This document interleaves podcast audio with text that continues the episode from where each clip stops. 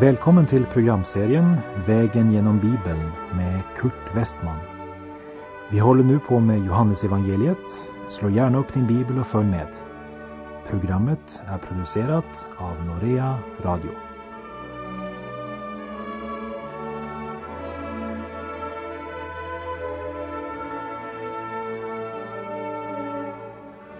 Vi har nu kommit till det fjortonde kapitlet i Johannesevangeliet.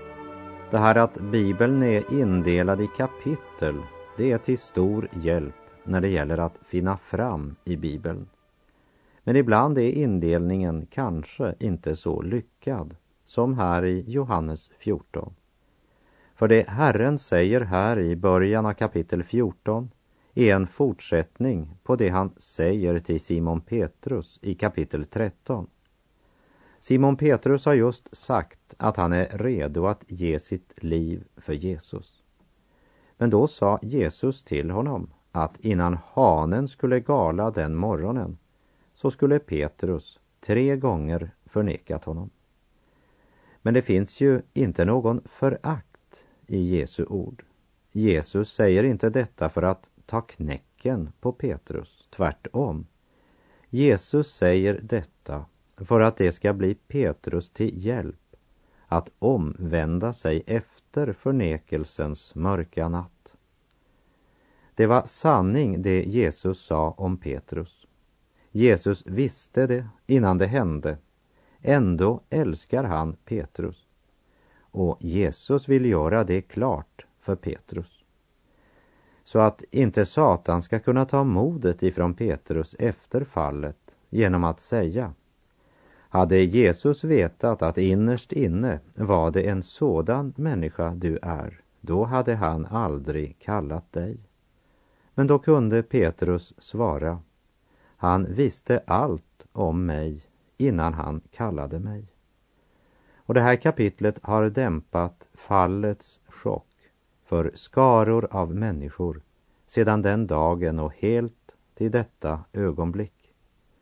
Vi läser i Johannes 14, vers 1. Låt ingen ängslan plåga era hjärtan. Tro på Gud. Tro också på mig. Jesus har just talat både om sin bortgång och om den allvarliga situationen som kommer att föra till att Simon Petrus förnekar sin Herre. Lärjungarna blir naturligt nog ängsliga. Låt ingen ängslan plåga era hjärtan, säger Jesus. Tro på Gud, tro också på mig. Att tro på Gud och att tro på Kristus är två sidor av samma sak. Den som tror på Gud tror också på Jesus Kristus. Det vill säga den som tror på Gud lyssnar till Jesu ord och gör som han säger blir en ordets görare. Och vi läser i vers 2. I min faders hus finns det många boningar. Vore det inte så hade jag sagt er det. Nu går jag dit för att bereda er rum. Jesus hade nyligen sagt till Petrus, dit jag går kan du inte följa mig nu, som vi såg i Johannes 13.33. Men för att både Petrus och de andra lärjungarna ska förstå att Jesus inte lämnar dem för alltid så säger han att han går bort för att bereda dem rum. Du och jag inbillar oss gärna att vi är mycket värda. Jag vill inte förolämpa dig, men den mänskliga rasen är inte värt att rädda. Gud kunde mycket lätt ha kastat ut oss från detta universum och så startat på nytt igen. Han kunde med bara ett ord förinta både jorden och oss. Och det var inte mycket som skulle saknas. Och det skulle vara en klar demonstration av rättfärdigheten, men inte av kärleken. För Gud älskar oss. Det är det underligaste och mest fantastiska i världen. Gud älskar oss. Inte därför att vi är älskvärda, men därför att han älskar oss trots att vi är totalt och helt fördärvade. Detta fördärvade släkte är det släkte som du och jag tillhör. Om du förnekar det, så se dig bara runt. Hur kan en civilisation som har nått sådana höjder vara en sådan nödens, svekets och lidandets plats för de flesta? Om inte något var fundamentalt fel med den mänskliga familjen. Johannes 14, vers 3. Och när jag har gått dit och berett er rum ska jag komma tillbaka och ta er till mig, för att också ni ska vara där jag är. Vi kan säga att som himlen måste förberedas för dem, så måste också de förberedas för himlen. Jesus kom tillbaka på pingstdagen då den helige ande blev utgjuten. Och andens uppgift är dels att utrusta dem med kraft ifrån höjden till att vara Jesu vittnen och dels att forma och förbereda dem för deras rätta hem. Vare sig det blir på den nya jorden eller i den nya himlen. Och när tiden är inne då ska han komma tillbaka och hämta dem till sig för att de för evigt ska vara där han är. Med detta löfte från honom som är sanningen behöver de inte låta ängslan tynga deras hjärtan. Här i Johannes 14.3 är det första gången i Bibeln som Gud nämner att han ska ta någon från denna jord och till en plats som han har berett. Och det var inte patriarkernas eller Guds folks hopp i det gamla testamentet. Gud lovade aldrig Abraham att ta honom till en plats ovan stjärnevärlden. Men Abraham fick löftet om ett evigt hem på denna jord. Gamla testamentets hopp var hoppet om Guds rike som skulle komma här på denna jord och som skulle flöda av frid och rättfärdighet efter att Herren har gjort allting nytt. Både Jesaja 65.17 och Uppenbarelseboken 21, vers 1 talar om att Gud ska skapa en ny himmel och en ny jord. Att han måste skapa en ny jord, det kan vi förstå. Men eh, varför en ny himmel? Därför att också i himlen ska alla spår efter Satan, den fallna ängeln, för evigt tas bort. Varje spår av syndafallet och dess skada ska för evigt utrotas. Jesaja 65.17 säger Ty se, jag vill skapa nya himlar och en ny jord och man ska ej mer komma ihåg det förgångna eller tänka på det.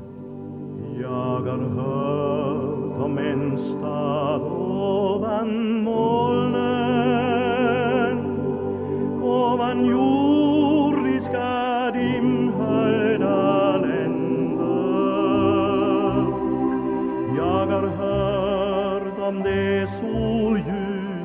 stränder. Och en gång Tänk en gång är jag där. Halleluja, jag högt måste sjunga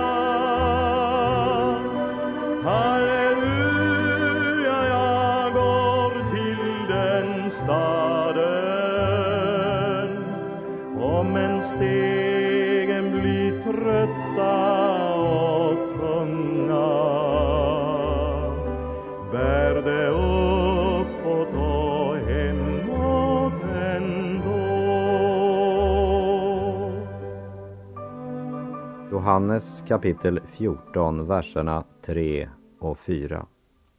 Och när jag har gått dit och berett er rum ska jag komma tillbaka och ta er till mig för att också ni ska vara där jag är och ni vet vägen som leder dit jag går. De befinner sig i den övre salen, Jesus och elva av lärjungarna. Efter att Judas hade lämnat rummet sa Jesus, ännu en kort tid är jag hos er, mina barn. Judas har lämnat rummet, så nu kan han tilltala dem som är där som mina barn. Han vet att tiden närmar sig då han ska skiljas ifrån dem. Och Herren Jesus lyfter nu deras hjärtan mot de eviga höjderna. En vind ifrån evighetens värld drar som en stilla susning genom deras hjärtan. Han lyfter nu deras tankar mot den framtid han går för att bereda dem. För här i den övre sal har skuggan från dödens kors fallit över de samlade. Därför lyfter nu Jesus deras tanke ifrån här och nu och till det kommande. Från det materiella till det andliga. Från det jordiska till det eviga. Vers 5. Thomas sade, Herre, vi vet inte vart du går. Hur kan vi då känna vägen? Bland de elva sitter också den apostel som vi kallar för tvivlaren Thomas. Han verkar alltid ställa frågor eller komma med ett eller annat tvivel. Thomas förnuft hade ett frågetecken och det tog ganska lång tid innan Jesus fick förvandla det till ett utropstecken. Men jag är verkligen glad för att Thomas var där och att han ställde frågan, för det är en mycket god fråga. Och jag tror att jag hade velat ställa den om jag varit där. För om inte den frågan hade blivit ställd hade vi inte haft vår frälsares underbara svar som egentligen är evangeliet i ett nötskal som vi läser i vers 6. Jesus svarade, jag är vägen, sanningen och livet. Ingen kommer till Fadern utom genom mig. Han är inte bara en person som visar vägen, men han personligen är vägen. Ingen kyrka, församling eller ceremoni kan föra dig till Gud. Endast Kristus kan föra dig till Gud. Han är vägen. Antingen så har du Kristus eller också har du honom inte. Antingen så tror du på Kristus eller också gör du det inte. Jesus säger, jag är vägen. Inte lagen, inte religiösa ceremonier, inte andra religioner, inte filosofiska tankebyggnader, inte egna gärningar. Han ensam är vägen till Faderns hus. Och han är livet. Han inte bara säger att han lever, men han är själva livets källa. Från honom, genom honom och till honom är allt som existerar. Ingen kommer till Fadern utom genom mig. Det är den totala återvändsgränden för alla kulter och ismer. Han säger att den enda vägen går genom honom. Det är ganska dogmatiskt. Det finns många som säger att de inte kan tro på Bibeln därför att den är så dogmatisk. Och jag är enig i att Bibeln är dogmatisk. Men har du inte märkt att det är det karaktäristiska för sanningen? Det är att den just är dogmatisk. Sanningen måste vara dogmatisk. Jag hade en lärarinna i småskolan i Bygdsiljum som var så dogmatisk och trångsynt. Hon hävdade alltid att två plus två var fyra. Och det spelade ingen roll vad du hade två av. om det var äpplen, hästar, basiller eller kronor. Hon hävdade alltid att två plus två var fyra. Hon var dogmatisk.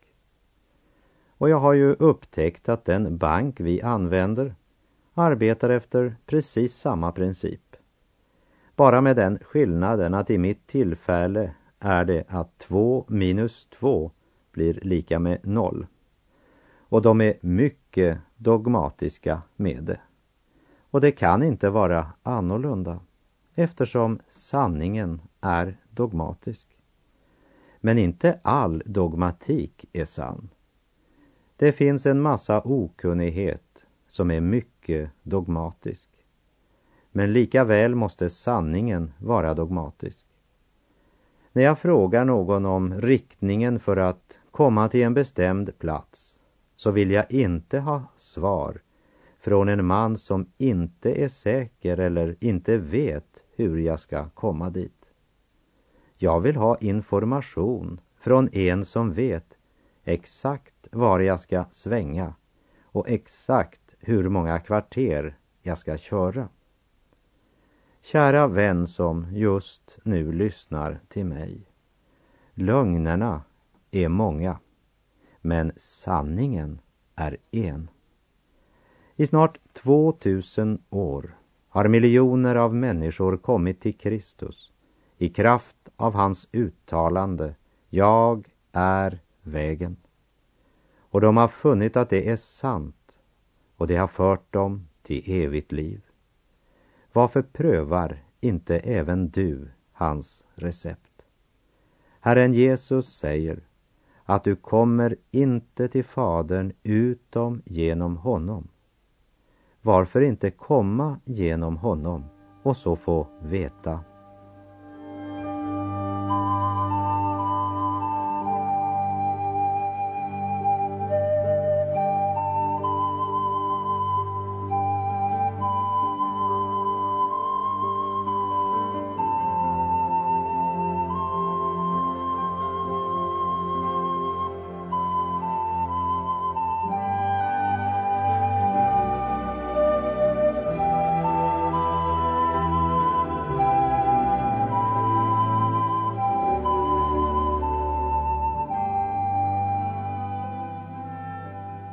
Jag är så tacksam att Thomas ställde sin fråga till Jesus så att jag fick läsa Jesu klara och underbara svar i Johannes 14.6. Men efter Thomas så är det ännu en som avbryter Jesus. Filippus har en fråga och vi läser verserna 7 till och med 9. Om ni har lärt känna mig ska ni också lära känna min fader. Ni känner honom redan nu och ni har sett honom. Filippus sade, Herre, visa oss Fadern, det är nog för oss. Jesus svarade, så länge har jag varit tillsammans med er och ändå känner ni mig inte, Filippus. Den som har sett mig har sett Fadern. Hur kan du då säga visa mig Fadern? Vi märker besvikelsen i Jesus stämma när han svarar Filippus. Och Jesus förklarar att det är ingen ny uppenbarelse som Filippus behöver eller extraordinär upplevelse. Den som har sett mig, säger Jesus, han har sett Fadern. Filippus var, så långt vi kan se, en ganska tystlåten människa.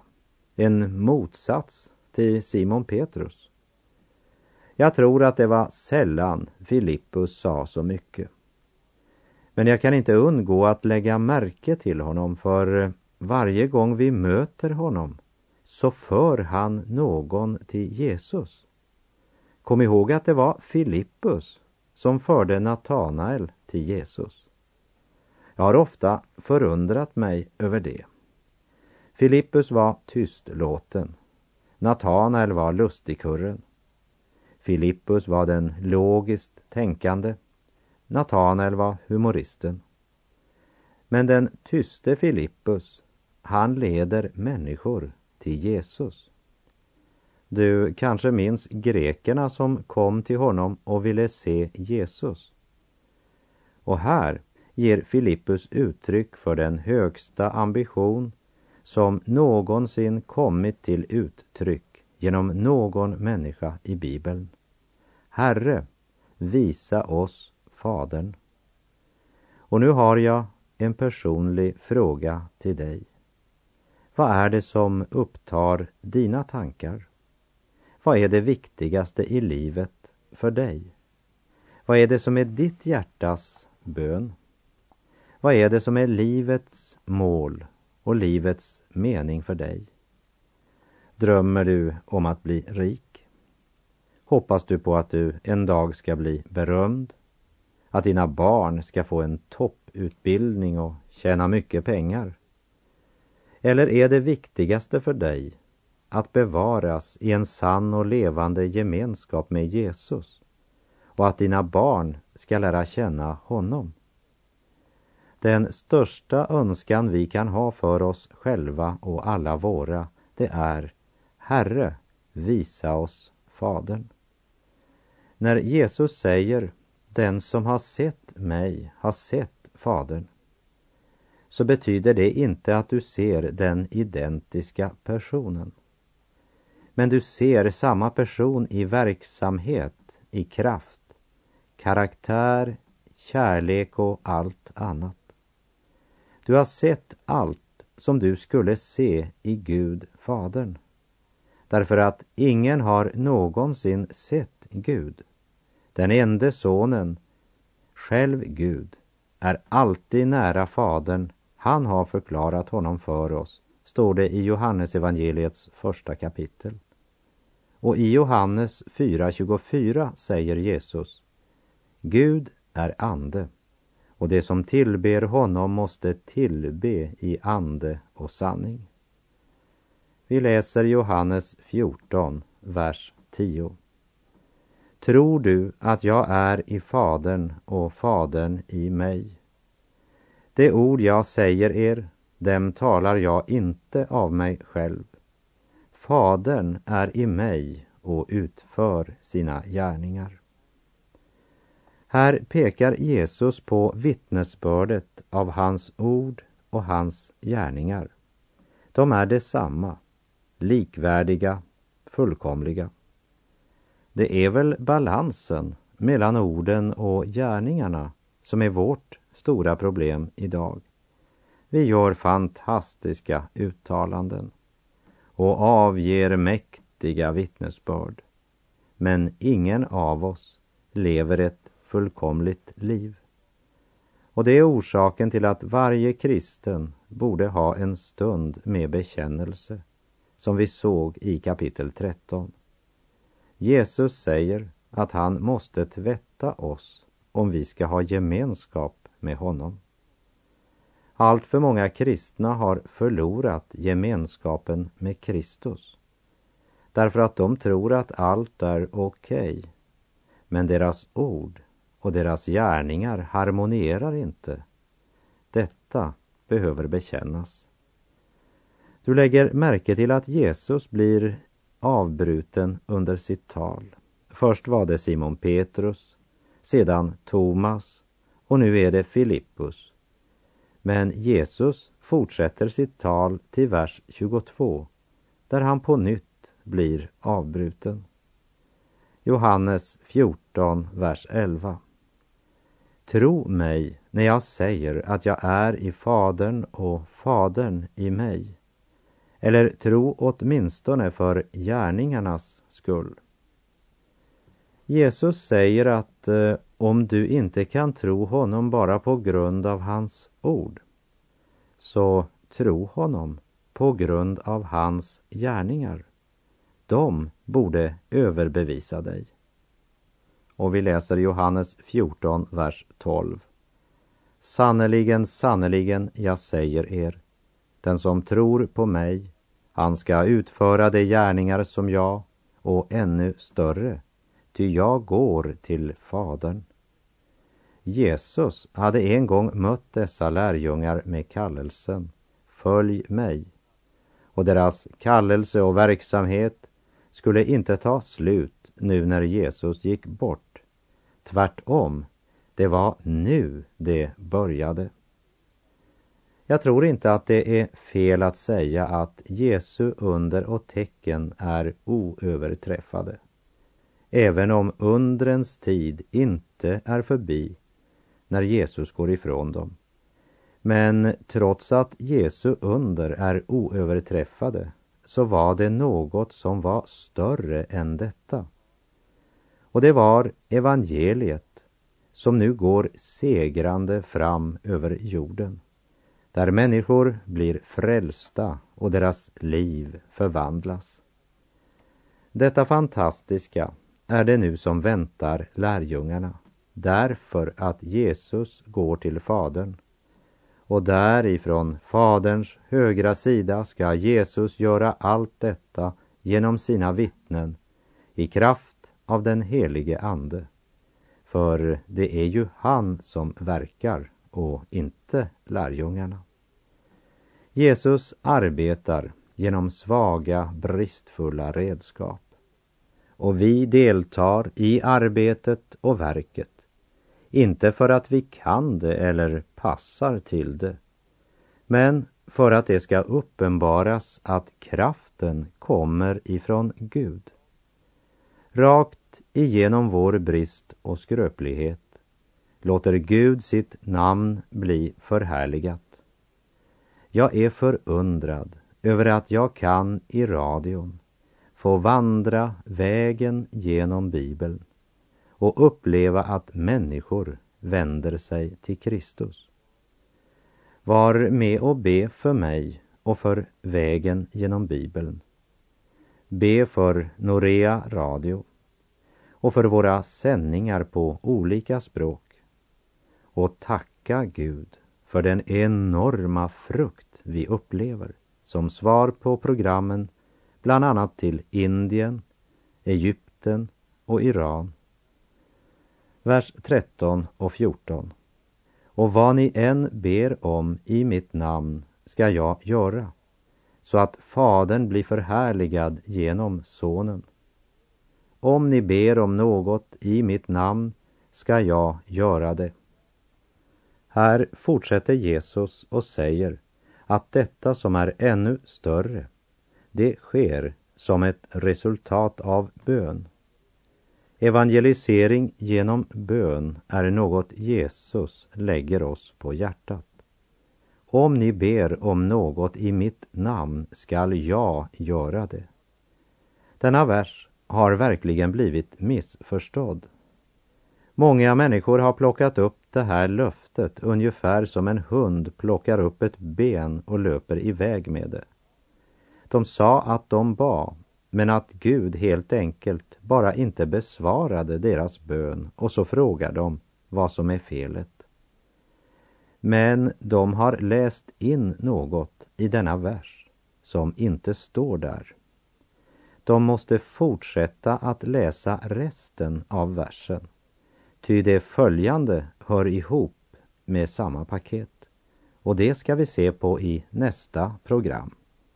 Och med det så får jag säga tack för den här gången. Herren vare med dig. Må hans välsignelse vila över dig. Gud är god.